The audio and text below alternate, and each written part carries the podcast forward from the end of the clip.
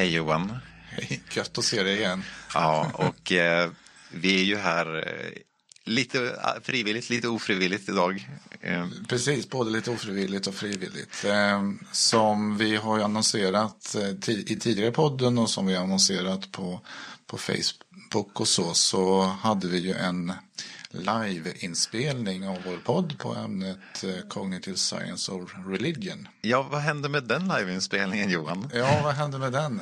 Eh, ja, det har jag diverse tekniska teorier om. Eh, jag har ja. gjort någon typ av efteranalys och kommit fram till vad som kanske funkade och inte funkade. Men hur som helst så, så gick inspelningen förlorad tyvärr. Ja, så den var väldigt bra inspelning innehållsmässigt men den finns inte helt enkelt i Nej.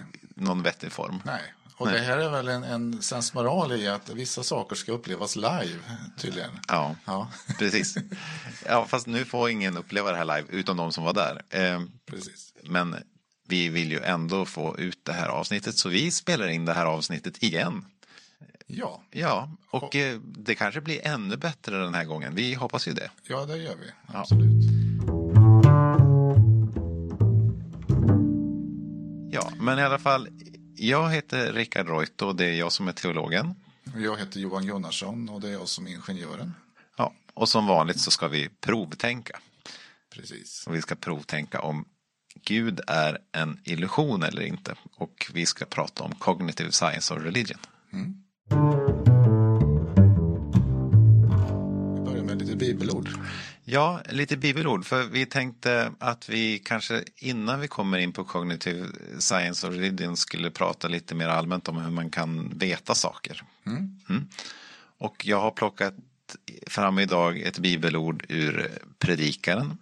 Eh, Predikaren är ju en bok som reflekterar på ett ganska pessimistiskt sätt över livets svårigheter ur olika synvinklar. Så när helst man känner sig lite cynisk och deprimerad så kan man alltid gå till predikaren i Bibeln och läsa. Då känner man att här har jag en vän som vill mig väl. Ehm, och predikaren reflekterar bland annat då i kapitel 3, vers 11 om eh, vad vi människor kan veta. Och då skriver han så här att eh, allt vad Gud har gjort är skönt i rättan stund. Han låter människorna urskilja ett sammanhang men aldrig kan de fatta Guds verk från början till slut. Och om man läser den lite mer bokstavliga översättningen i 1917 års översättning så där står det istället för att människor kan utskilja ett sammanhang så står det att Gud har lagt evigheten i människornas hjärta men dock inte så att jo, människan kan förstå den från början till slut. Okej, okay. istället för sammanhang så har man lagt evigheten i människornas hjärtan. Ja, och evighet i människornas hjärtan är ju det som ligger närmast den hebreiska grundtexten. Men du som inte pysslar så mycket med hebreiska, mm. vilken, vad, vad, känner du mest tilltalad till? Att Gud låter människan ut, eh, utröna ett sammanhang eller att Gud har lagt evigheten i människans hjärta? Ja, jag tror att det är svaret är nog båda. Därför mm. att som om man ska säga lite nybörjare i att tänka i de här frågorna överhuvudtaget så, så är ju ordet sammanhang lättförståeligt. Mm. Medan då evigheten i hjärtat, det kanske är någonting som man mm. eh, får en, en större eh, koppling till ifall man har gått lite längre i, på vägen mot mm. det här. Ja, precis. Det är, lite, det är en lite mer eh, poetisk eller kanske lite mer avancerad formulering skulle jag då säga. Ja, det håller jag med om. Och där har ju det, den poetiska formuleringen vissa fördelar. Väcker mm. mera fantasi och mer reflektion och sådär. Mm. Men kan också vara mer förbryllande. Mm. Ehm, och eh, den andra formuleringen som är mera en uttolkning av vad det hebreiska uttrycket betyder. Mm, att, eh, kanske är lättare att förstå. Men Precis. kanske inte i samma utsträckning väcker våran fantasi. Nej. Och mm. Då tänker jag automatiskt att det är väl kanske någonting som är signifikant för mycket som står i Bibeln. Mm.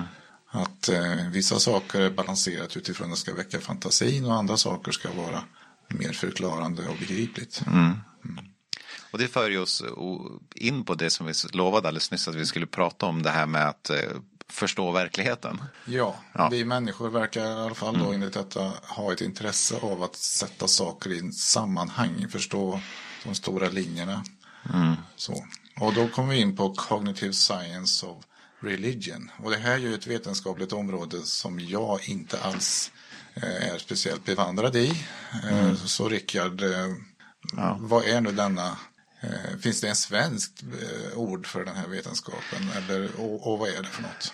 Ja, det finns egentligen inget jätteetablerat ord, men eh, man brukar ibland kalla det för eh, kognitionsvetenskaplig religionsforskning och ibland så brukar man kalla det för ja, jag kommer inte ihåg allting som brukar kalla det för, men eh, det mest etablerade uttrycket i Sverige är nog också cognitive science of religion. Okej.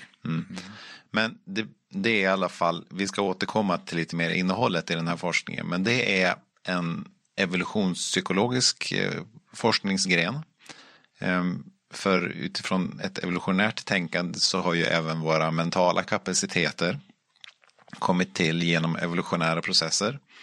Och där tittar man då specifikt på vad kan det vara som har gjort att människan har blivit sån att hon kan erfara Gud? Just det.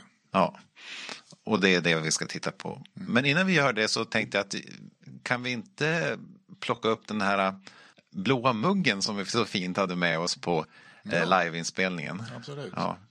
Och vi hade ju fina skjortor också. Vi hade fina skjortor också. Ja. Du hade ju din, eh, din poddskjorta. Ja, visst var den fin? Ja, mycket Ja, fin. och du hade en mycket fin ingenjörsskjorta Ja, också. absolut. Ja. Eh, Men ni får tänka er framför er dessa vackra skjortor. Eh, Men muggen, Muggen. ja. Mm. Jag är ju inte, alltså det här med mugg är ett begrepp jag inte alls förstår. Eh, För mig är mugg ett begrepp som är helt självklart. Här framför mig så har vi en mugg och den är muggformad. Och den är blå. Okej. Ja. Nej, jag är, jag är inte alls intresserad av den tolkningen. För, för mig så är ju det här ett, ett föremål som råkar vara gjort av lite överbränd lera. Det är det jag ser. Du ser bara överbränd lera. Ja. Och jag, men jag ser ju en funktion här. Jag ser en form. Jag ser att den är rund från ena hållet och avlång från andra hållet. Och jag tänker mig eftersom det är en mugg så är den gjord för att dricka ur.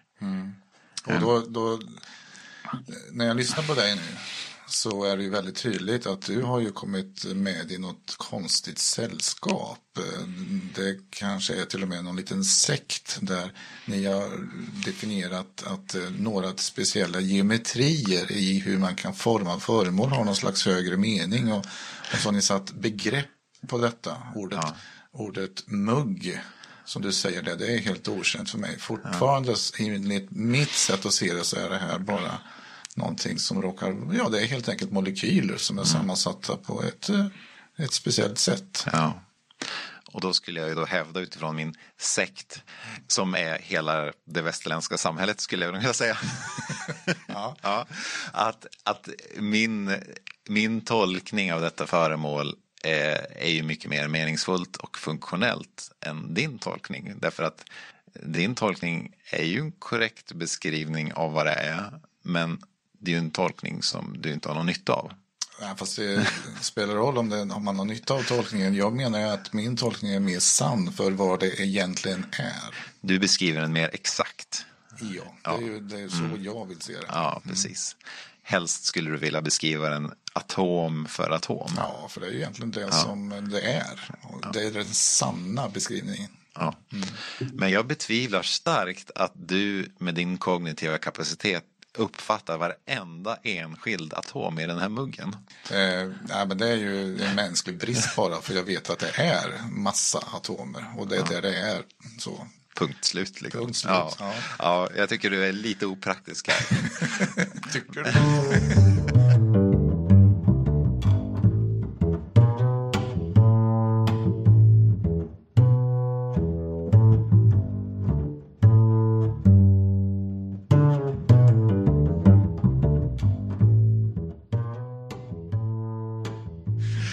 Men, eh, men nu, vi, vi dummar oss ju såklart lite grann här. Och det är ju med, med för att väcka den här tanken kring vad är det vi gör när vi uppfattar någonting, mm. helt enkelt. Mm. Och då går det ju in en massa intryck i oss via sinnena. Mm. Och de här intrycken, de är ju alldeles för mycket eh, för att vi ska kunna tolka till exempel varje signal som kommer in i våra synnerver eh, en och en eh, med vårt medvetna tänkande. Så det sker en massa processande i vårt huvud som ligger på förmedveten nivå. Mm. Som förenklar den här oerhört komplexa verkligheten och sorterar bort onödig information och gör modeller av, av, av, av det vi ser. Så att min medvetna upplevelse här när jag ser muggen det är att jag ser en mugg. Mm. Så det har hänt en massa saker mellan atomerna där ute och min subjektiva erfarenhet mm. att jag ser en mugg. Mm. Och på samma sätt då så kan man ju säga att om man tar, får in intryck, om man får in eh, information via hörsel, öga eller andra förnimmelser så kan man ju som människa ha en eh, medfödd förmåga att säga att ja, men det här är en upplevelse av Gud. Mm. Och det går ganska så snabbt. Det är en naturlig förmåga. Mm. Som, precis som du säger att någonting är en mugg så kan man säga att vissa saker är en slags upplevelse av att det är Gud. Men frågan är vad var den här informationen som kom in i sin ursprungliga form egentligen från början? Mm. Och där, det du tog upp skojade lite grann om att eh, du tyckte att eh, jag tillhörde någon slags eh, sekt som, mm. som, eh, som, hade, som hade lärt mig att uppfatta denna mugg som just en mugg och inte mm. bara en massa atomer. Mm. Eh, det kan man väl säga har en parallell också till eh, vad det innebär att eh, tillhöra en viss religiös tradition. Mm. Att man lär sig i en viss tradition att tolka sina erfarenheter på ett sätt som ska vara meningsfullt. Mm. Så att det blir möjligt att tolka sin erfarenhet som att här har jag upplevt Gud. Mm. Och till exempel om vi tar mugg mm. så råkar ju din uppfattning om vad muggen fungerar att användas till då också vara för, eh, präglad av kulturella ja. aspekter. Och det är ju jättebra att jag har lärt mig de här kulturella mönstren därför att det gör ju mig kapabel mm. att äh, agera i, i den värld som jag lever i. Mm. Om jag inte alls hade fått lära mig vad muggar eller datorer eller människor eller kläder eller sånt mm. var, hur man ska ha föreställningar om det här då skulle jag vara ganska inkapabel på att eh, överleva helt enkelt. Ja, men mm. du är nu lite mer kulturellt uppfostrad och du vet att den här muggen den fungerar helst att dricka te eller kaffe i medan om du skulle dricka saft eller mjölk så tar du då en annan sån här överbränd historia som, som råkar ha andra mineraler och som då går under namnet glas istället för ja, mugg. Precis. Ja, och så är du då väldigt med i den kulturella sfären. Du blir uppfattad som en god och, och välbelevad människa för att du tar rätt eh, föremål till rätt aktivitet. Ja, mm. precis. Du är väldigt duktig Rickard tycker jag. På det. Tack så mycket. Ja. till skillnad från dig som alltid dricker saft ur, ur kaffemuggarna. Ja, ja nej. typ. Ja.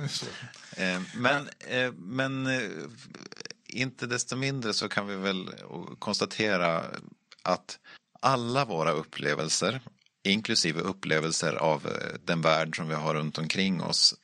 Dels är någonting som eh, när det kommer fram till vårt medvetande är en modell mm. som vår hjärna har skapat. Mm.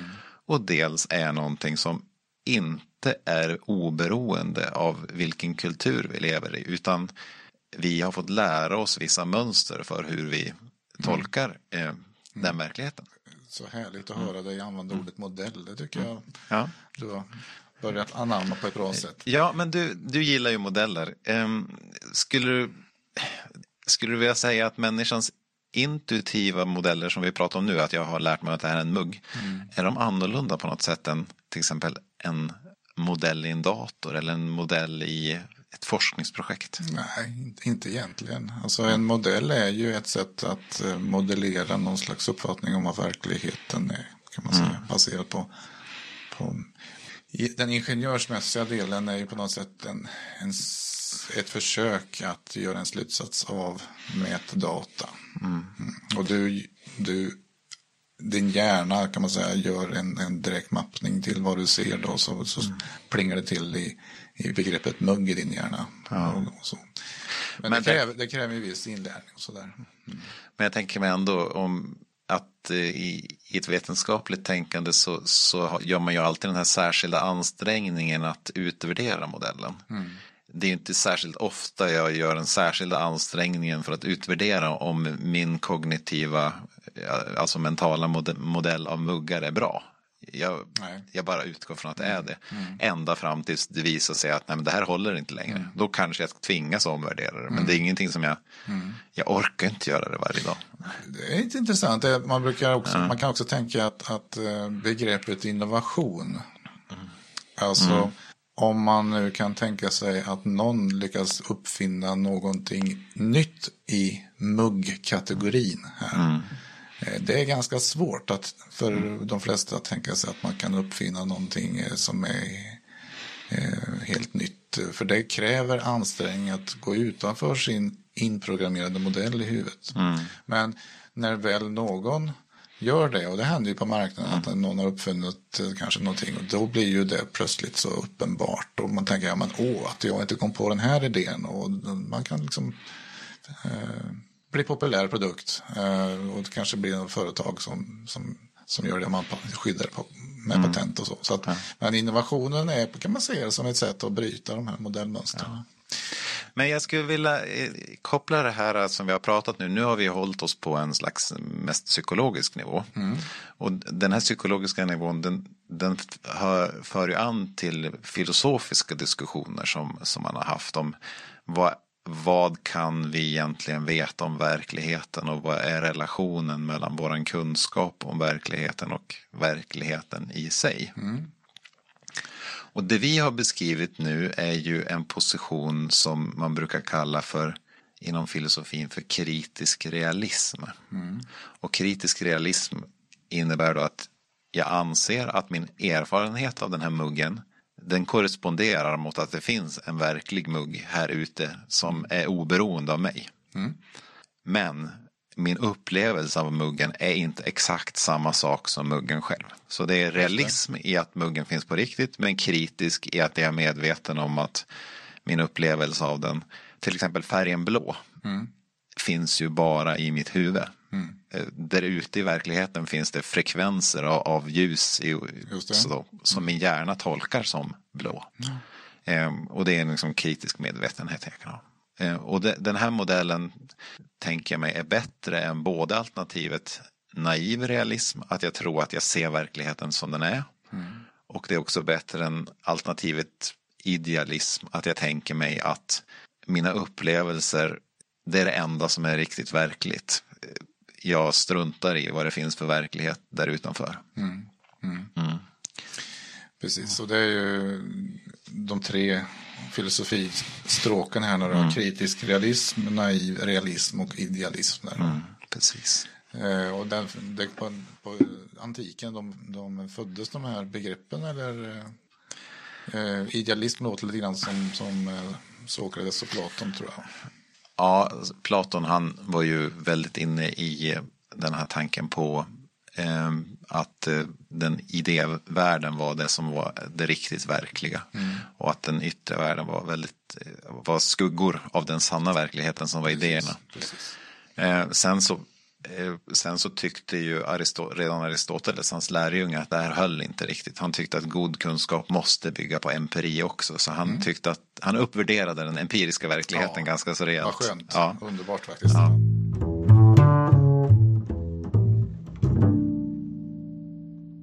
Eh, mm. Men jag tänker att vi kanske för den här, eh, alltså människan är ju en, en, ett väldigt speciellt djur i det här sammanhanget. Mm. Och det är ju våra, eh, vi som djur som, som eh, har en, en förmåga att känna in och tolka Gud. Mm. Eh, utifrån våra sinnen och sådär. Eh, och hur kan det ha börjat? Och då ska man ju spåra tillbaka bandet tänker jag. Att, att vi kan landa i, i evolutionen. Ja. Eh, vad är det som, som eh, skiljer oss människor då från andra djur i skapelsen? Mm. Och då är det typiskt då att vi har en stor hjärna större mm. hjärna. Och speciellt så är det ju så att vi har en frontlob. Mm. Och här ska ju sägas, bara en liten principiell eh, reflektion innan vi kommer in på det. Det är ju det här att, att vi upplever Gud just i våran hjärna. Mm. Det kan ju vara lätt att lite förhastat dra slutsatsen att eftersom det sker i våran hjärna så är det automatiskt någonting som bara finns i våran hjärna. Mm. Men, men så behöver det ju inte alls vara. Nej. Snarare tvärtom, självklart så att hjärnan är det enda stället där vi kan uppleva någonting. Så där, vi måste ju uppleva Gud där också, om vi upplever Gud, oavsett om Gud är en illusion eller om Gud är på riktigt. Mm. Precis som den här muggen, oavsett om den här muggen är en illusion mm. eller om den är på riktigt så upplever jag den i min hjärna. Precis. Mm. Men åter till eh, lober. Om man nu skulle bara mm. Mm. tydliggöra en sak till så är ju att, att nervsystemet finns ju i princip hela kroppen. Och mm. I det här sammanhanget kan det vara ganska klokt att inkludera eh, när vi säger hjärna eller sinnesförmåga, mm. att, att folk har sinne, mm. så kan man ju tänka sig att faktiskt hela kroppen är med. Mm. Ja. Jo, men det håller jag med om. Vi ska ja. inte underskatta kroppens betydelse. Nej. Men det som skiljer oss eh, från andra djur mm, kring den här frontloben, och då visar det sig att många av den, vad är det som frontloben då används till? Mm. Eh, där råkar det ju ligga saker som, som just gör oss unika som, mm. Som människor. Och mm. en sån här, när man tittar på det här, en sån förmåga som vi människor eh, är eh, duktiga på. Det är till exempel att tänka om tid. Mm. Tänka om vad hände igår, eh, förfluten tid, men också och framförallt tänka om, okej, okay, vad, Eh, jag har lite för, förhoppningar om vad, vad jag ska göra imorgon eller att jag kanske har samlat tillräckligt med mat just nu så jag behöver inte springa iväg och jaga imorgon utan jag kan istället ägna mig åt någonting annat. Alltså människans förmåga att, mm. att eh, se lite grann framåt och planera och dra konsekvenser av det. Och det förlängs ju till det som vi läste i predikaren. Gud har lagt evigheten i våra hjärtan. Mm. Just det. ja. ja, det vill säga, jag antar att du tänker att man, man kan ju sträcka det här tidstänkandet väldigt, väldigt långt bakåt mm. till tidens begynnelse. Mm. Fundera på det. Just som det. vi har gjort i tidigare poddar. Precis, ja. och det kanske var som så att man redan mm. i de första människorna evolutionärt tänkte om mm en, en, en eh, tidernas begynnelse eh, och inte bara om eh, maten nästa dag utan man hade ett längre perspektiv. Och mm. förmodligen så, så kommer det ju med också att man tänker ju att man själv kommer att dö i någon mm. slags framtid. Ja. Och det tror man ju att den kunskapen om att, eller den insikten att att man kommer alltid att dö har ju en inverkan i det här. Mm. Ja, det gör ju oss mer benägna att söka de stora sammanhangen kring alltså, vad är meningen med alltihop. Att vi kan tänka de här enormt stora tidslinjerna. Mm. Och det är väl inte bara med tid utan också överhuvudtaget att tänka hur hänger allting ihop mm. i den väldigt komplexa verkligheten. Mm. Där har vi ju människor en oerhörd förmåga i jämförelse med alla andra arter att fundera kring vad är orsakssammanhangen mellan allting som finns och hur hänger allt det här ihop och sådär. Mm.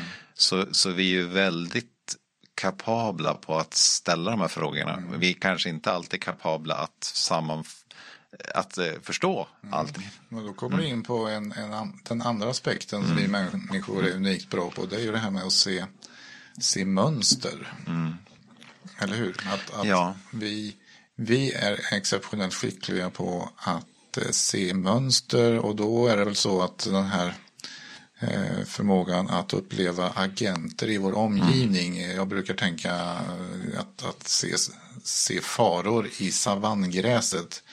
Hur det gömmer sig ja. ett lejon eller det gömmer sig en orm mm. eller någonting. Det är och Viktigt att, för vår överlevnad. Ja, det är jätteviktigt. Och också att kunna se mönster. Var brukar det här lejonet dyka upp? Och, mm. och sådär. Mm.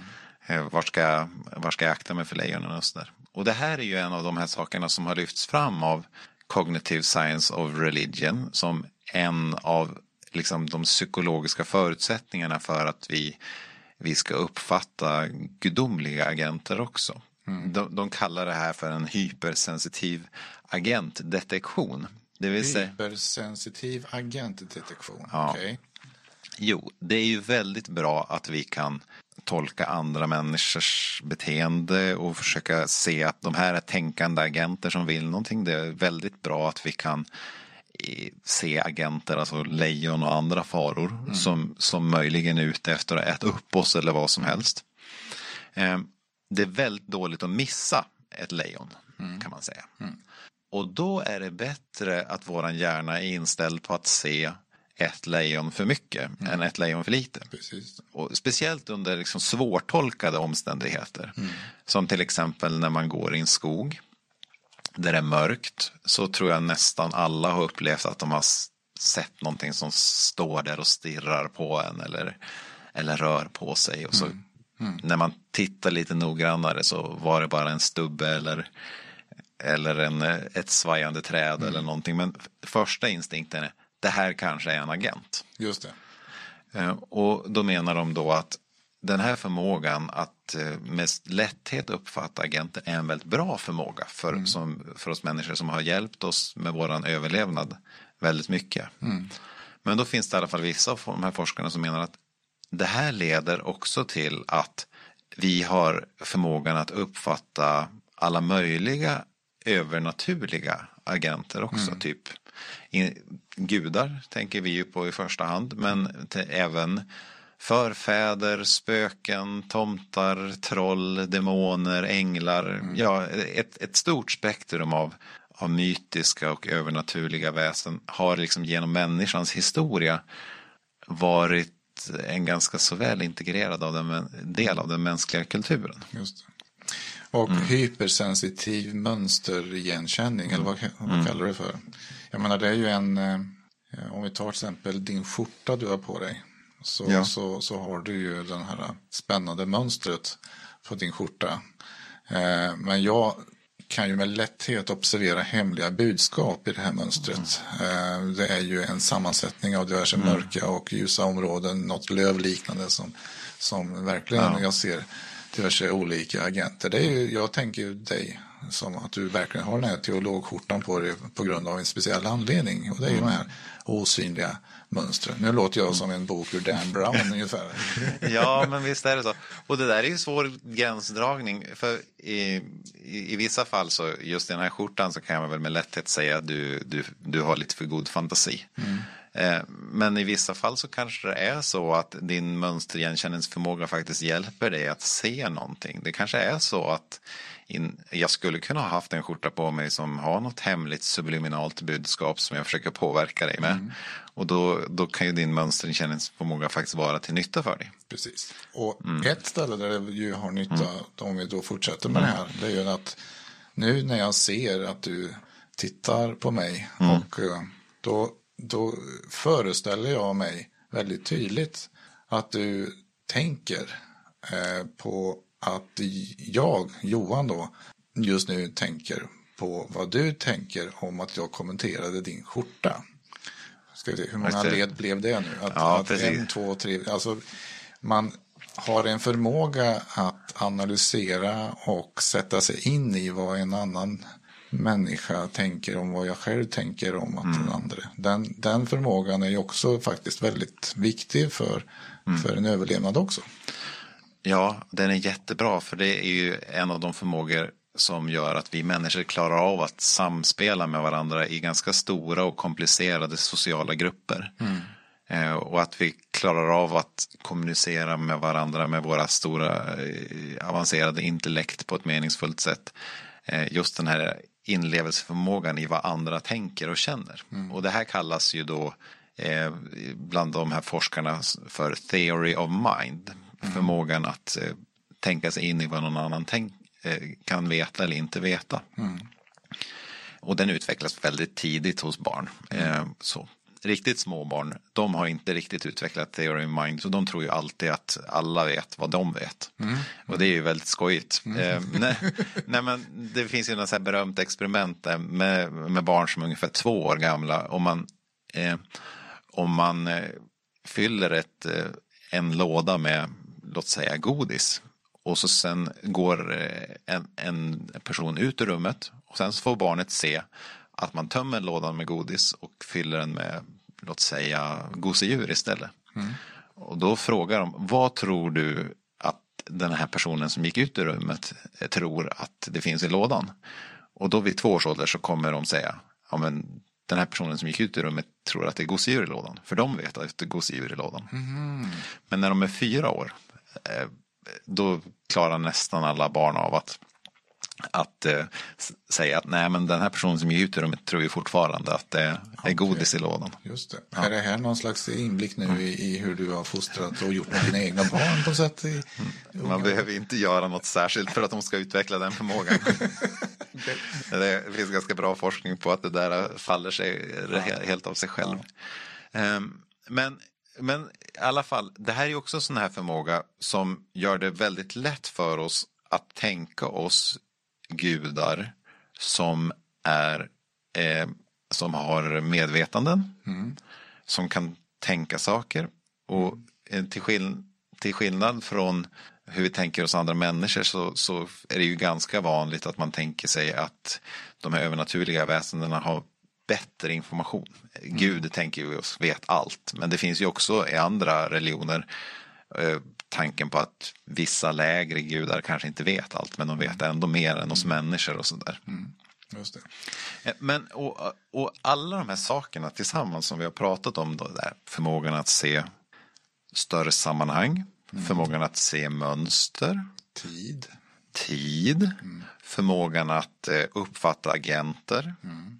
Eh, förmågan att liksom, tänka sig eh, en gud som har en vilja och sådär. Mm. Ehm, det är ju väldigt grundläggande förutsättningar för att vi ska kunna tänka oss en gud eh, som har skapat världen och, som är intresserad av oss människor överhuvudtaget. Mm. Man kan väl säga att, att, utifrån ett vetenskapligt perspektiv så vet man att, man, att människans, för, människan är extra väl utrustad med en förmåga att se ett eh, större sammanhang. Ja. I, i, samma, och det gäller ju även redan hos mm. barn. Ja. Vi är naturligt religiösa. Att vara ateist är mindre naturligt för människan än mm. att vara troende. I, i, så. Mm. Och då kommer ju den här stora frågan, hur ska man tolka det här? Mm. Alltså ska man tolka det då som, um, är det här beviset för att Gud är en illusion? Mm. Precis, det är ju frågan. Ja. Mm. Och där kommer ju vissa då fram till, som till exempel Richard Dawkins, mm. som har skrivit eh, The God Delusion, mm. på svenska Illusionen om Gud. Mm. Han kommer ju fram till att det här är bevis för att vi bara inbillar oss det. Och han drar ju också den normativa slutsatsen att det vore bättre för mänskligheten ifall alla blev ateister. Mm. Och han har massor med skäl till att, eh, ganska dåligt underbyggda skäl till varför han tror att religion är roten till allt ont som han mm. har fått mycket kritik för. Mm. Men han lutar sig mycket mot den här typen av forskning mm. för att liksom hävda att, att Gud är en illusion och det är en dålig illusion. Mm. Ungefär. Andra forskare som är ateister inom det här fältet, de säger ja, Gud är en illusion, men de har inte så här starkt negativa åsikter om religion, utan de kan mera säga ja men det här är helt naturligt för människor och det är bra för människor att vi är sådana. Fast jag tror inte på det, säger till exempel en sån som eh, Pascal Boyer. Mm. Eh, men så finns det ju också ytterligare. Men vad menar man med att det är bra för människor då? Är det som att, eh, okej, okay, för det är ju ändå så att man kan väl ändå säga att man mår bättre och hjärnan mm. mår lite bättre av att ja. använda de här förmågorna. Det skulle kunna ja. vara då ett skäl till att man mm. utifrån någon slags hälsoperspektiv ägnar sig åt det ungefär som att eh, man borstar tänderna på ja. kvällen. Ja, och det finns ju ganska mycket studier som tyder på att människor som har en eh, levande tro mår bättre än de som inte mm. har det. Mm. Eh, väldigt intressant. Eh, eh, och det också, finns ju också de som menar att tron på en gud som är moraliskt intresserad eh, hjälper också oss människor i stora komplexa samhällen, eller har i alla fall gjort det historiskt sett, att samarbeta med varandra. Om man mm. tänker sig att det finns en gud som håller lite koll på vad vi gör. Mm. Så jag blir vi lite mer samarbetsvänliga. Det finns ju sådana här äh, intressanta exempel på när de har testat att sätta upp bara ögon i, i fikarum. Eh, så att man känner sig sedd. okay. ja, stiliserade ögon. Eh, ja. Och eh, folk diskar och ställer undan sin mugg mycket, mycket oftare om det finns ögon där. Okay. Än om man inte gör det. Så det är ett tips till alla. Om ni tycker att folk är dåliga på att ställa, eh, ställa undan muggen på jobbet så sätt upp ett par ögon på, eh, i pentryt. Påminner lite mm. min barndom, på att säga. Mm. När, när man nu kommer från landet mm. och där det är mycket jakt och så, så mm. har det ju varit gott om mm. diverse uppstoppade djur mm. på väggarna. Ja, just det. det är de som de håller koll på dig. De håller koll, ja precis. Mm. Sen, är det, och så, sen så är det ju många som menar också att oavsett om, om, om riter funkar eller inte så har de ju den funktionen att de skapar väldigt mycket sammanhållning i ett sammanhang. Mm. Och liksom de uttrycker sam, ett samhälles värderingar och det blir ett sätt att visa för varandra. Man signalerar till varandra att vi är liksom alla hängivna mot vårt samhälle, vår mm. gemenskap och, och sådär. Mm. Um, så, så det kan en ateist säga att ja, men, även om det är en illusion så är det en illusion som har, som har tjänat mänskligheten väl. Just det, precis. Men eh, jag, jag och du är ju kristna, mm. så vi tycker inte det här är en illusion. Eh, utan vi vill ju gärna eh, hitta en annan tolkning av det här. Mm.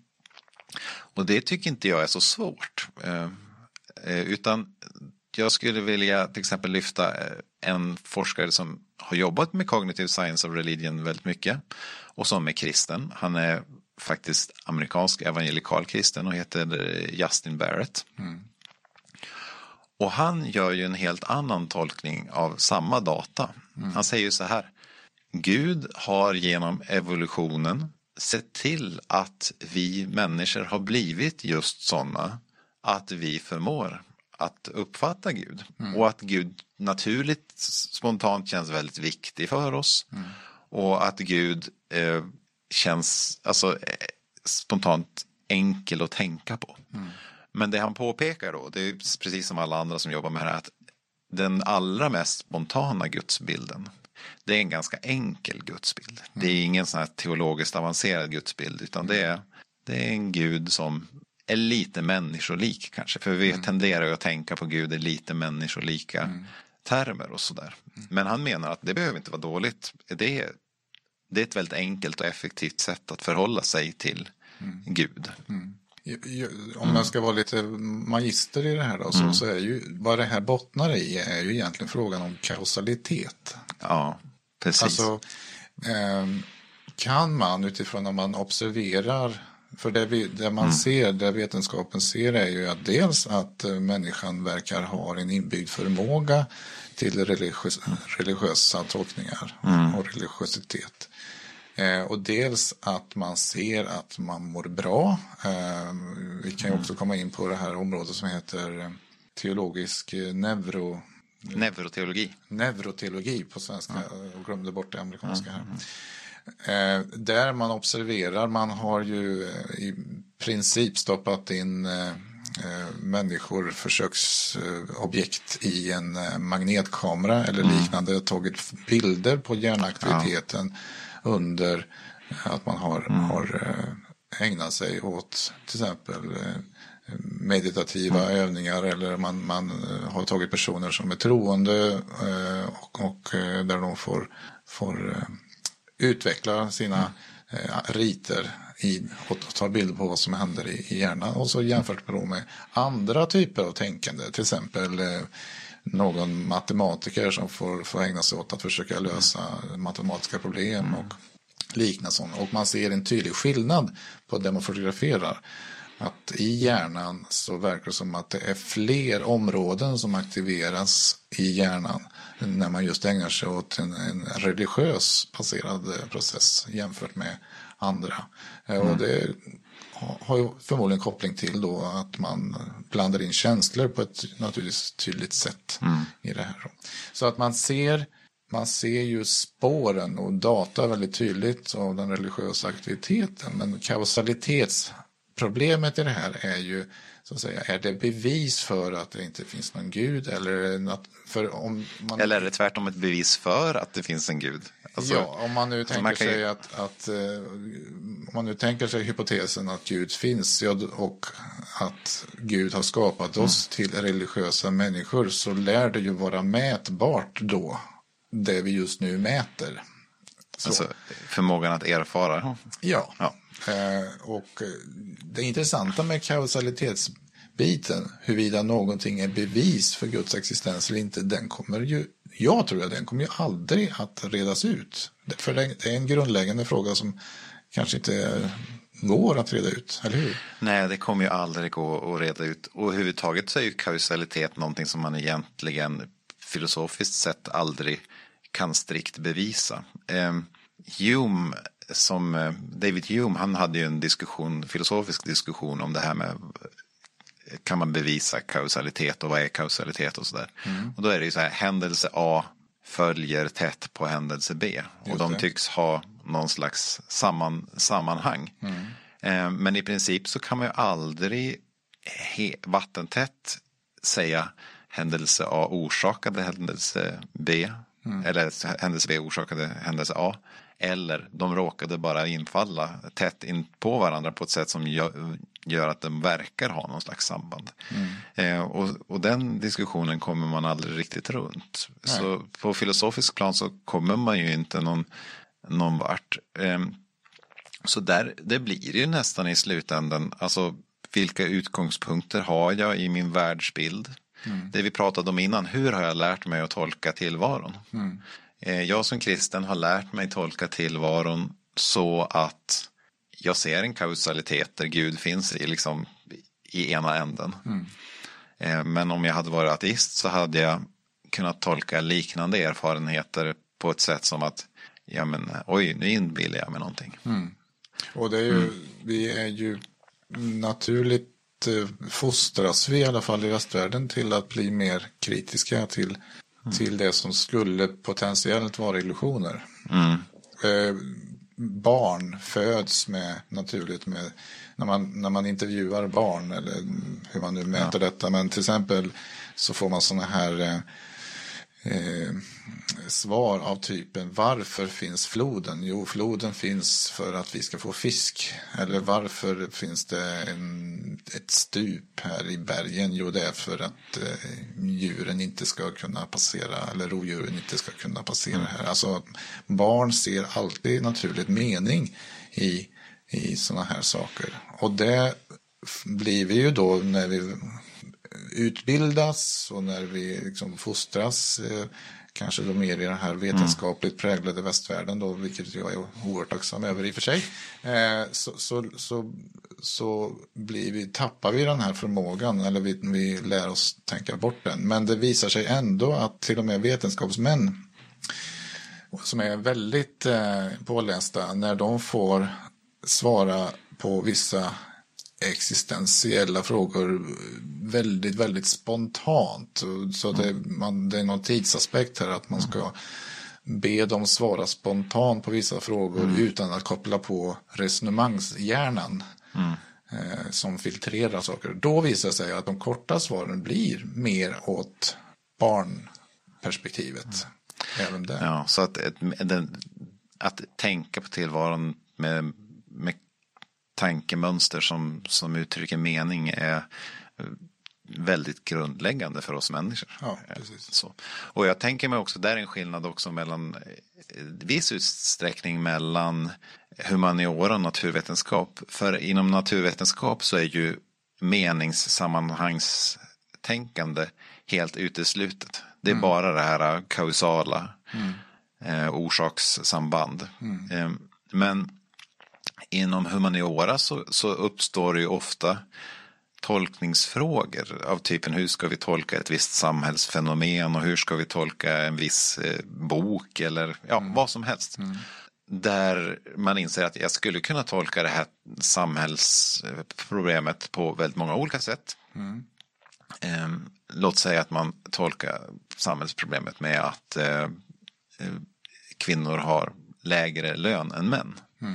Mm. Och då blir ju svaret på hur jag ska tolka det inte bara att försöka utreda alla orsakssammanhang utan också att eftersom det är omöjligt, mm. alltså det är så komplex fråga. Mm. Eh, utan också vilken tolkning av det här fenomenet att kvinnor har lägre lön än män är mest meningsfull. Mm. I den bemärkelsen att den hjälper oss att göra någonting åt problemet till exempel. Mm.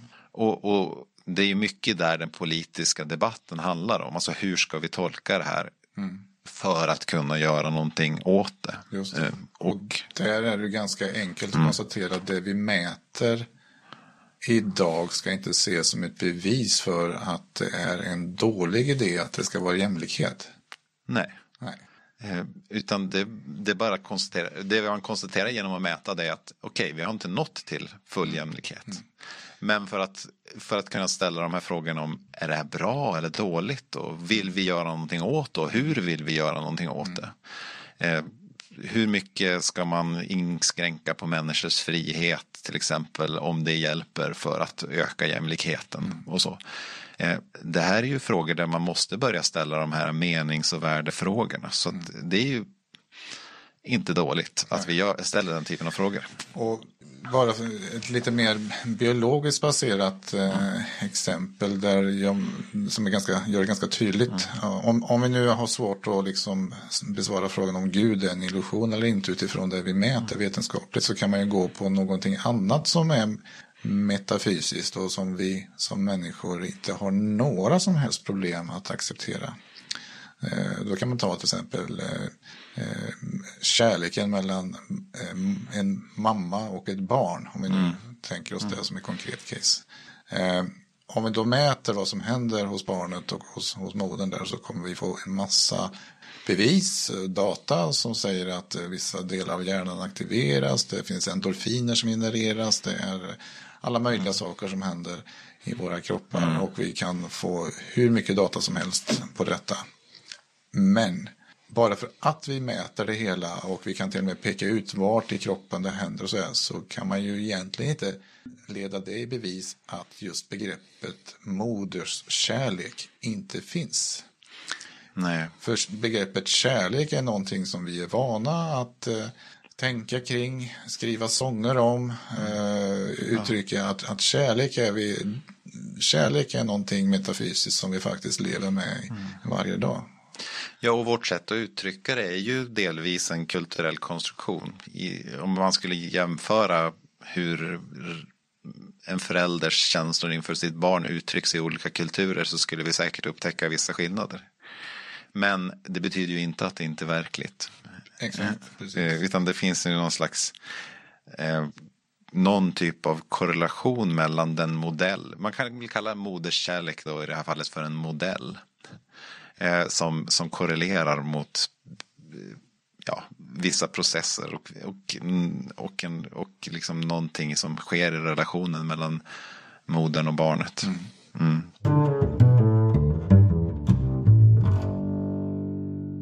Ska vi gå vidare med det här kring hur Cognitive of Science och Religion eh, visar på hur vi väldigt intuitivt uppfattar Gud och prata lite grann om hur vi kan ta med oss det in i vårt kyrkliga sammanhang och vårt kristna sammanhang. Mm. För tror, jag du tänker... tror att kyrkan skulle kunna ha nytta av att och ta, ta, ta, få mer kunskap om cognitive science och religion? Ja, det tror jag faktiskt. Den instinkt, instinktiva reaktionen inför det här tror jag är lite här, usch, det här är farligt, det här måste vi akta oss för. Mm. Men har man kommit förbi det så tänker jag mig ändå att det finns en del intressant. Ta till exempel den här intuitionen att Gud är lite människolik. Gud är just det, just det. en gubbe på ett moln. Ja. Vi människor har en förmåga tydligen, oavsett kultur, att, att göra det övernaturliga mänskligt.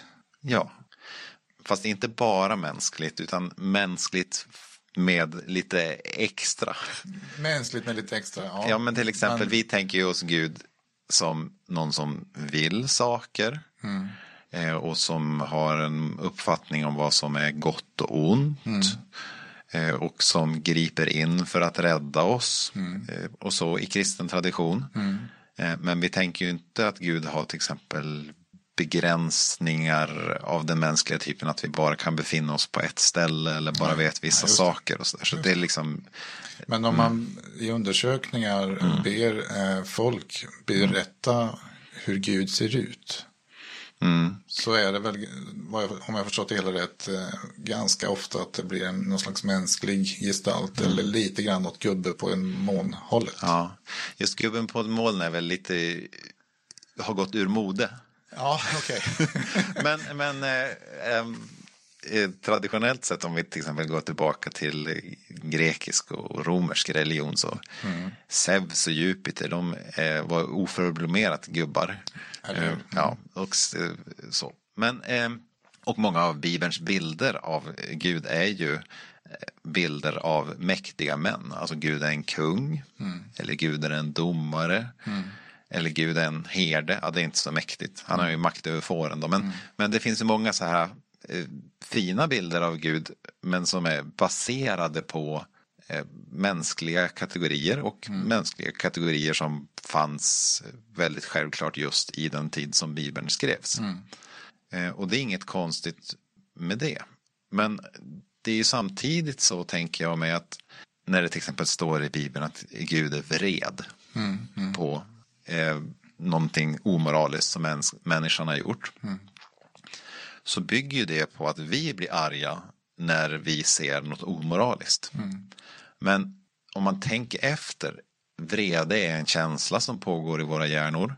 Och om vi tänker oss en varelse som då är av evig tid, mm. som är liksom ursprunget och orsaken till hela universum, så kanske det inte tar så lång tid att inse att Gud är nog inte arg i mänsklig bemärkelse. Nej, ehm, han, han, känner inte känslor så att han måste stoppa sina impulser. Nej. Ehm, för att inte bara sopa undan hela mänskligheten. Mm. Och den reflektionen är ju också viktig. Och den här reflektionen gjorde man ju redan i tidig kristet eh, tänkande. Till exempel så uttryckte man väldigt tidigt i de öst östliga delarna av kyrkan det man brukar kalla för negativ teologi eller apofatisk teologi. Mm. Det här med att vad vi än säger om Gud så är det inte riktigt sant. Det, vi måste inse att vi egentligen inte kan veta någonting om Gud.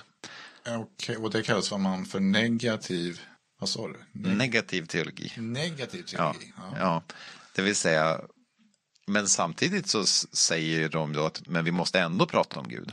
Mm. Ja. För att annars kan vi ju inte dyrka Gud. Ja, just det. Men, mm. men eh, om man nu tolkar fritt, man skulle också kunna säga att teologin inte kan vara fullständigt beskrivande. Nej, precis. O ofullständig teologi är ett annat ord. Ja, men det är lite analogt, men vi kan egentligen aldrig uppfatta muggen i sig. Nej, vi, kan, vi kan bara uppfatta en modell av muggen. Ja. Och då, så är det ju likadant med Gud. Mm. Vi kan aldrig uppfatta Gud i sig, men vi kan uppfatta en modell av Gud som ligger inom den mänskliga kognitiva förmågans möjligheter. Just det. Ehm, och den medvetenheten tror jag framförallt en del mera tänkande och, reflekterande människor eh, mår bra av att ha med sig. Mm. Oh.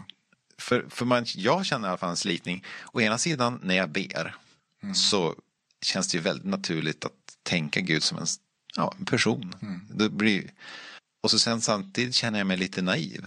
Mm. Här pratar jag till Gud som om Gud vore något människolikt. Um, och så känner jag mig lite sliten inombords mellan liksom, det här, mitt intuitiva jag och mitt, mitt eh, intellektuellt reflekterande jag och sådär. Mm. Men då kan det vara bra att ta med sig här att det är okej okay att reflektera över att Gud är alltid någonting mer än vad vi någonsin kan veta. Men samtidigt så är det också fullständigt okej okay att ha den här intuitiva enkla gudsbilden i sitt praktiska eh, böneliv och gudstjänstliv. För, för mm. om man nu eh, mm. refererar till, till eh, att det står att Gud skapade människan till sin avbild. Mm. Uppmuntrar inte det ändå att vi ska se Gud som en, en människolik gestalt? Ja, jo men det håller jag med om. Och, men framförallt så, så uppmuntrade oss att reflektera över var vårt uppdrag att vara inte bara mänskliga utan sträcka oss lite längre och försöka fundera vad är vår delaktighet i, i mm. uppdraget att ta, eh, alltså ta hand om hela skapelsen och sådär mm. och göra. Mm.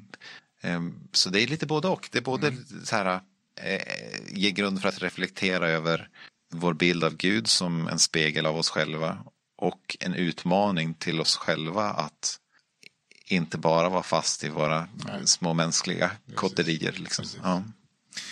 En fråga mm. här är ju om man nu utifrån Cognitive Science and Religion där konstaterar att eh, vi är exceptionellt utrustade med en förmåga mm. att, att vara religiösa. Mm. Vår hjärna är, verkar gå igång extra mycket på när vi eh, ägnar oss åt religiösa aktiviteter. Mm.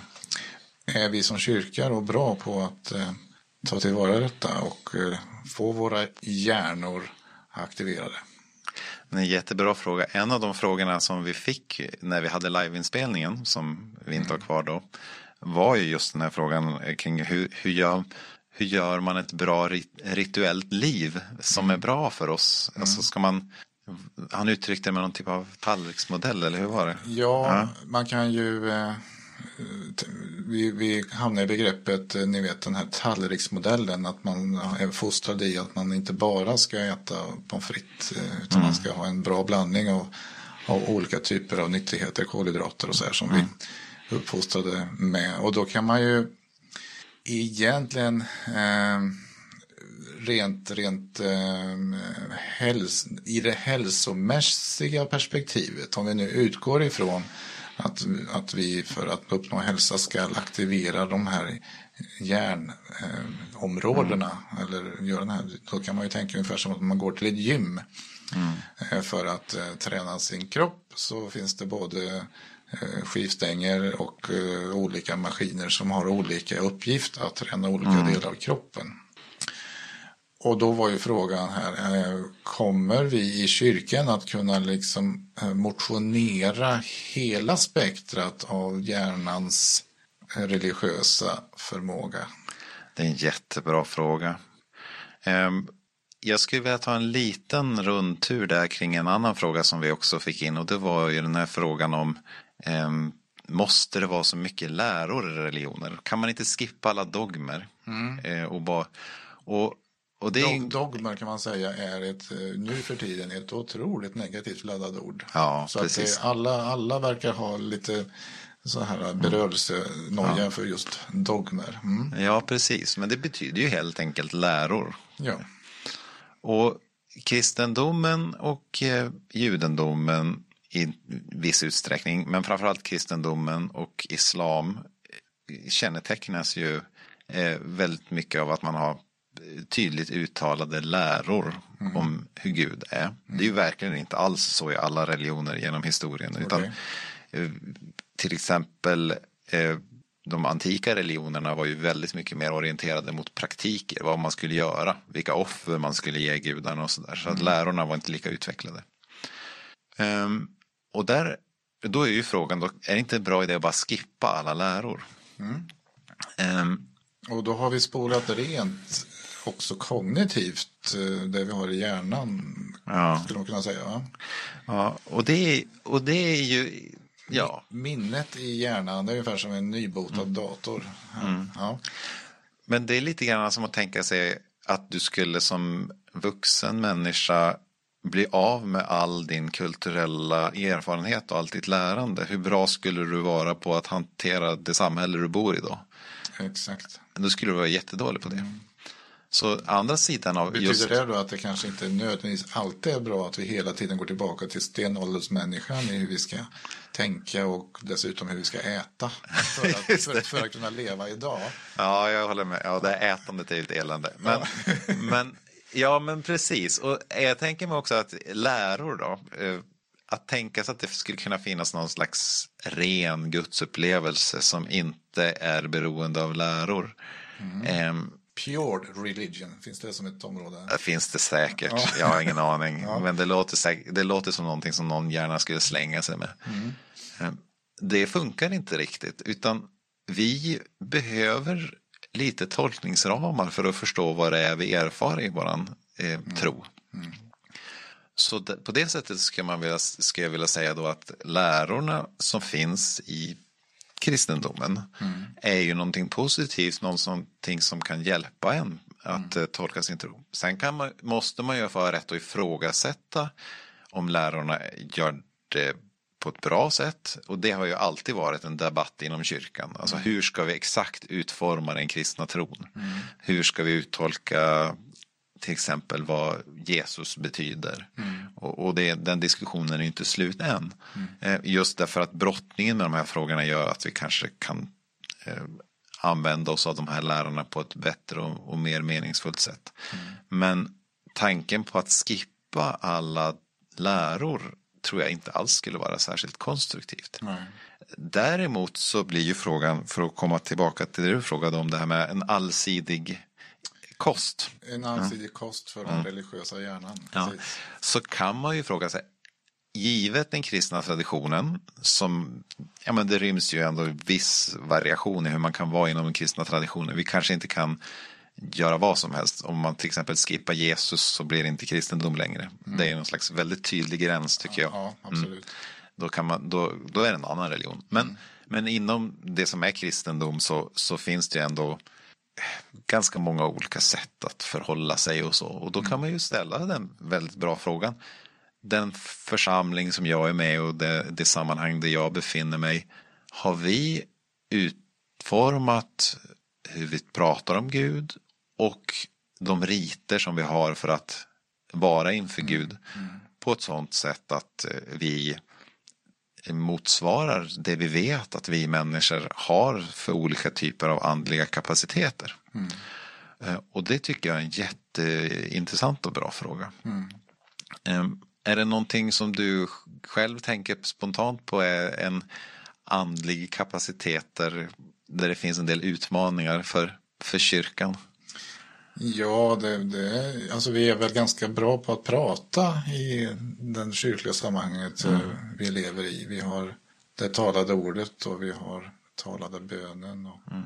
och sådär. Men vi har ju inte så mycket meditativt kanske på det sättet eller extas som någon slags uttrycksform. Mm. Eh, till exempel. Eller eh, en annan religiös eh, ingrediens som eller väl ganska vanligt, det är att man upplever det stora sammanhanget i skapelsen och i naturen. Mm. Så vi har ju vi har alltså flera tangenter på den här lyran som vi kanske som kyrka eh, ja, det blir ganska stort fokus på det talade Ja.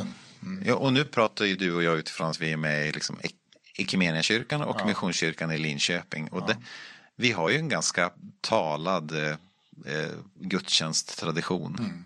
Det, det är den talade bönen och den talade predikan och den talade sången och sådär. Mm.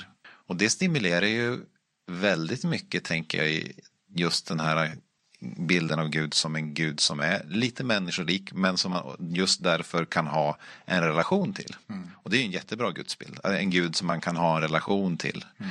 Som man kan vara inför och, och tacka och be till och sådär. Mm. Men eh, jag håller med om att det är ju andra erfarenheter av Gud som kanske hamnar lite i skymundan. Mm. Och då, om man kommer in på just meditationsområdet mm. så, har ju, så lever vi i en tid nu när det finns eh, en rik flora av olika sätt som ingår i, i begreppet meditation. Mm. Det finns ju helt eh, religiös, eh, eh oreligiösa typer av meditationer kan man säga. Mindfulness är exempel på en sån. Mm. Och det handlar om att man i sin meditation så ska man liksom skapa ett fokus i sitt tänkande till att känna in sig själv och nå sitt inre på något sätt. Mm. Och sen så kan det ju finnas eh, eh, de som tycker att det är ondskan själv att, att göra det för man måste ha med så att säga Gud i sammanhanget och andra tycker att men vadå, alltså, om man nu tänker att eh, Gud har skapat oss och eh, vi har eh, Gud i vårt hjärta så borde man ju hitta honom där när man söker sig inåt. Så det finns ju hela skalan på olika uppfattningar om detta. Men ja. grejen som jag tänker är väl att vi är väl inte, man går ju inte till kyrkan för så ofta för att liksom helt enkelt bara söka sig in och, och, och vara tyst i en kvart Nej. Nej. Och där, där tänker mig att där har vi ganska mycket att lära oss av andra traditioner. För ja. det finns ju kristna traditioner där man är mycket, mycket bättre på det. Ja. Till exempel den tysta retriten. Ja. Som vi har så nära som till exempel i Bjärka Säby. Och på många andra ställen. Det är ju tydligt inom kristen tradition.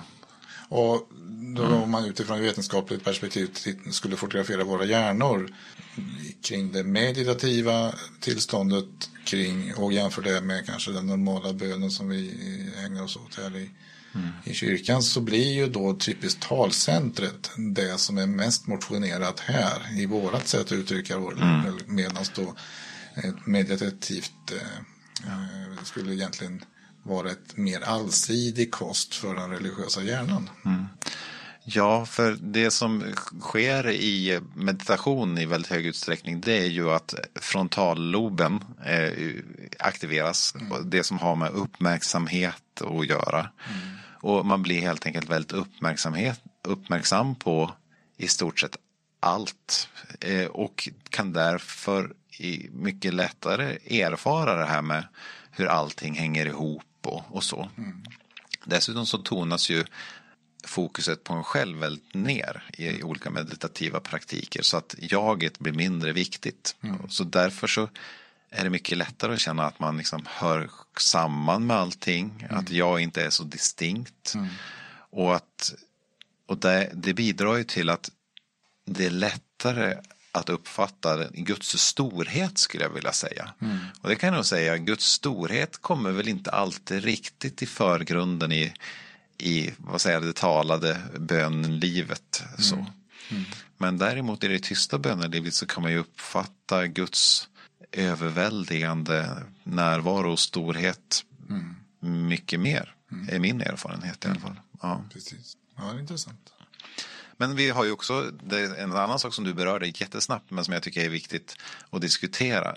Jag är ju kanske inte så jättemycket för de extatiska formerna av andlighet. Nej, inte jag heller. Men, men eh, vad tänker du? Nej, men jag tänker så här, även att jag kanske inte vill skaka med hela kroppen så mycket och, och känna, alltså så superintensivt, så, så en helt oemotionell gudsrelation skulle kännas helt meningslöst. Mm.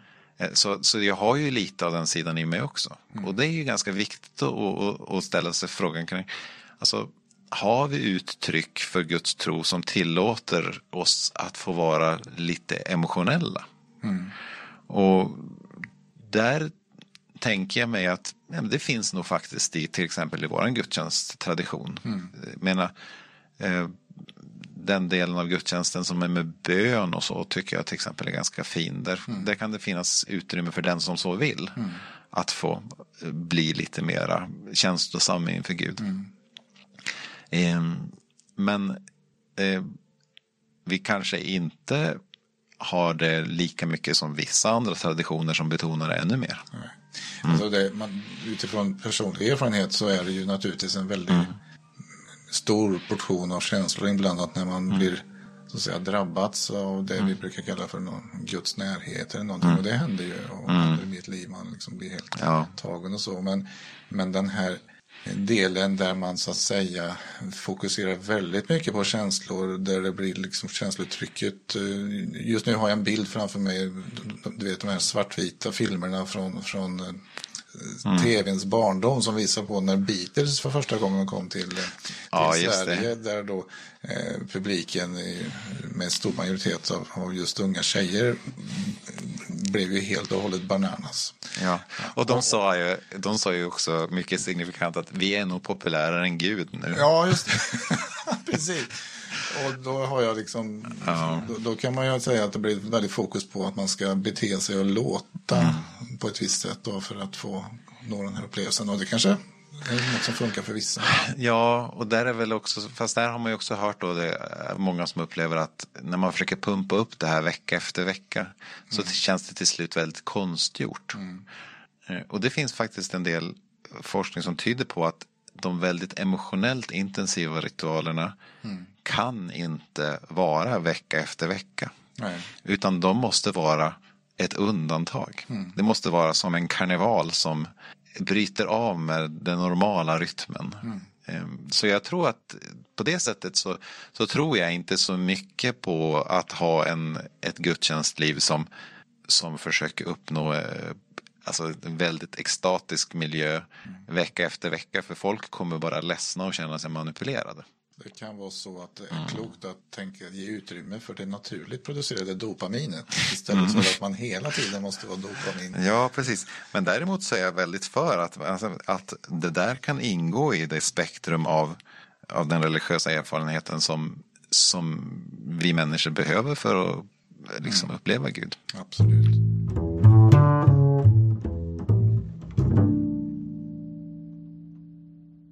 En eh, fråga här. Eh, det handlar ju om Cognitive Science och Religion kommer ju fram till att vi eh, har ju en, en hjärna som samlar på sig, eller vi människor samlar ju på sig erfarenheter. Mm. Eh, vi lever ett liv och vi lär oss saker och ting. Eh, och eh, vi får kunskap på olika sätt. Och det betyder att allt nytt vi hör, allt nytt vi tar del av tolkas. Mm. Eh, man kan med fog säga att allting tolkas hela, hela tiden. Det finns liksom ingenting som man kan säga eh, är ren och avskalad sanning som vi ska kunna ta in oss i hjärnan utan vi kommer att tolka det också. Mm. Likadant så kan man säga att oavsett hur alltså, att läsa varje bokstav i Bibeln eh, om vi försöker det på, på bästa sätt så kommer vi ändå att skapa en personlig tolkning mm. av det. Ehm, det betyder ju då att ehm, du som pastor, du ägnar ju dig åt att predika. Och du förbereder dig väl och du ska lägga fram eh, så att säga dina upptäckter, mm. ditt, ditt förberedelsearbete för denna församling och så ska du förmedla de här upptäckterna på ett synnerligen pedagogiskt och bra sätt och det är ju du bra på Rickard. Så det, det är du. Men är det inte ganska så, så nedslående att det här kommer att landa på helt annorlunda sätt i våra hjärnor beroende på vår kognitiva erfarenhet. Och kanske till och med missförstås och misstolkas och skapar helt andra uppfattningar än vad du hade tänkt från början. Ja, men lite nedslående kan det vara ibland. Speciellt när man hör att folk har uppfattat att eh, man har sagt någonting väldigt upprörande fastän man försökte vara pedagogisk. Mm. Jag försökte en gång med på konststycket att förklara inkarnationen eh, mm. genom alltså att Jesus blev människa, att Gud blev människa genom att säga att om vi hade varit kor så hade Gud kommit till jorden som en ko. Mm. Varpå någon fick veta sen efteråt att jag hade kallat Jesus för en ko. Mm. Och det var ju inte det, det som var poängen. Men de, den, det satt någon där i publiken som var så upprörd på att jag sa att Jesus var en ko så de förstod inte min pedagogiska poäng. Hade det varit bättre med en häst? Jag vet Nej. inte. Det var kanske lite, det hade nog varit för hästar är väl lite ståtligare och finare djur. Ja, ja, det var tur att jag inte valde typ gris eller. Ja, det hade inte ja, gått. Nej. Eh, så det, ibland kan man bli lite ledsen av sånt såklart. Mm. Eh, samtidigt så är det ju bara så det är. Mm. Och jag tänker mig att det kan till och med vara bra ibland mm. att det är så. Därför att min förmåga som, som predikant är ju begränsad. Mm. Och jag hoppas ju att eh, Gud verkar någonstans, inte bara i mina förberedelser för predikan, utan också någonstans mellan det som kommer ut ur min mun och det som kommer in i människors öron. Mm. Så att människor hör någonting som förhoppningsvis i bästa fall är bättre än det jag sa. Mm. Och det har faktiskt också hänt. Mm. Ibland har jag predikat och märker att folk sitter, vissa människor sitter och blir oerhört berörda. Mm. Och jag vet inte vad det är jag har sagt. Mm. Men sen så har jag ibland fått veta när jag pratat efteråt, jag ska inte ta något exempel. Men, eh, du skulle väldigt gärna vilja veta exakt, du skulle vilja kunna upprepa det sen till nästa gång, erkänn. Nej, det vet jag inte, men det är ändå väldigt fascinerande. Det har hänt någonting där som är bättre än det jag tänkte ut. Ja. ja. Och det är ju fantastiskt bra. Mm. Men, men det är ju så där att det är modell på modell på modell. Jag sitter, Bibeln är skriven Eh, som en slags modell eller flera olika modeller av erfarenheten av Gud som jag tolkar utifrån min erfarenhet med mina modeller och skapar någon typ av modell som är min förkunnelse i, i, i min predikan. Så kommer den ut i form av ord som måste tolkas av någon som möter deras förförståelse och deras modeller som ska synkas ihop. Och så synkar de ihop det på något nytt sätt. Och så blir det någonting som påminner om det jag försökte förmedla. Men det kommer aldrig vara det jag försökte förmedla. Men eh, det här är ju en del av tjusningen med den kognitiva processen.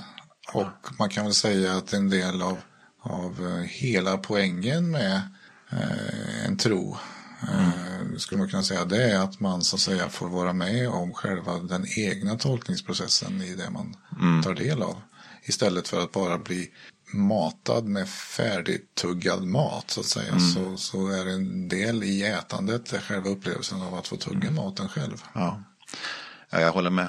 Och Ju- eh, då kan man ju säga, vi hade ju en fråga på, på liveinspelningen där att, att en del eh, kring vad är en korrekt benämning på muggen, eh, muggens färg då, huruvida den var blå eller turkos. Och då är det ju det att olika kognitiva eh, bakgrunder kan göra då att man, en, ena personens modell är att den säger att den är blå och den andra personen säger att den är turkos. Och så ska den ena försöka övertyga den andra. Och den aspekten kommer vi också in i, i, i här då kring vad, vad handlar det om att vara kristen. Och jämfört med hur det var för 50 år sedan så är vi väl idag lite mer öppna för idén att, att folk kan ha olika religiösa modeller och att det är okej. Ja, det håller jag med om. Det som jag tycker har blivit lite tråkigt i jämförelse med 50 år sedan det är väl kanske att jag upplever att folk drar slutsatsen att och eftersom det är okej att du tycker att muggen är blå och jag tycker att den är turkos så ska vi inte diskutera det med varandra.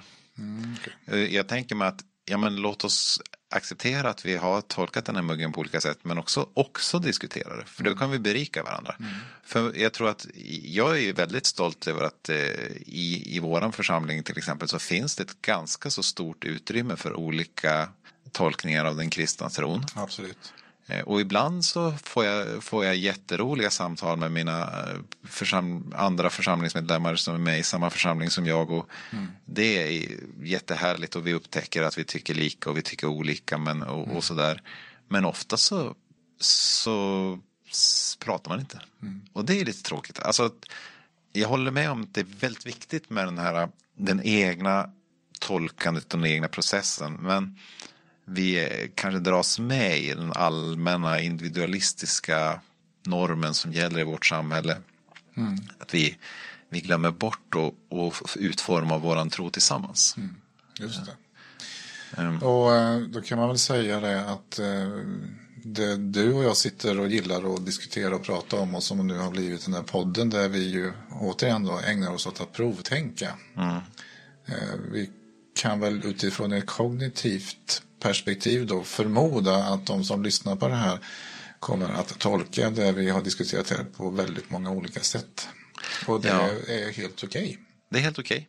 Och vi har ju pratat om en ganska känslig sak. Så vi kan väl tänka oss att en del kanske kommer tolka någonting vi har sagt som väldigt upprörande. Och det är okej. Ja. Och en del kanske kommer tycka att det vi har sagt är väldigt befriande. Och då är det ju glädjande för oss. Det är i alla fall med kärlek vi har diskuterat det här. Och Ja. Det känns ju för mig väldigt viktigt att Ja, säga. jo, för mig också. Ska vi avrunda där? Jag tycker det blir en bra, jättebra avslutning. Ja, och eh, på återhörande inom ett helt annat ämne nästa gång. Ja, Tack ska ni ha. ha det bra. Hej. Hej.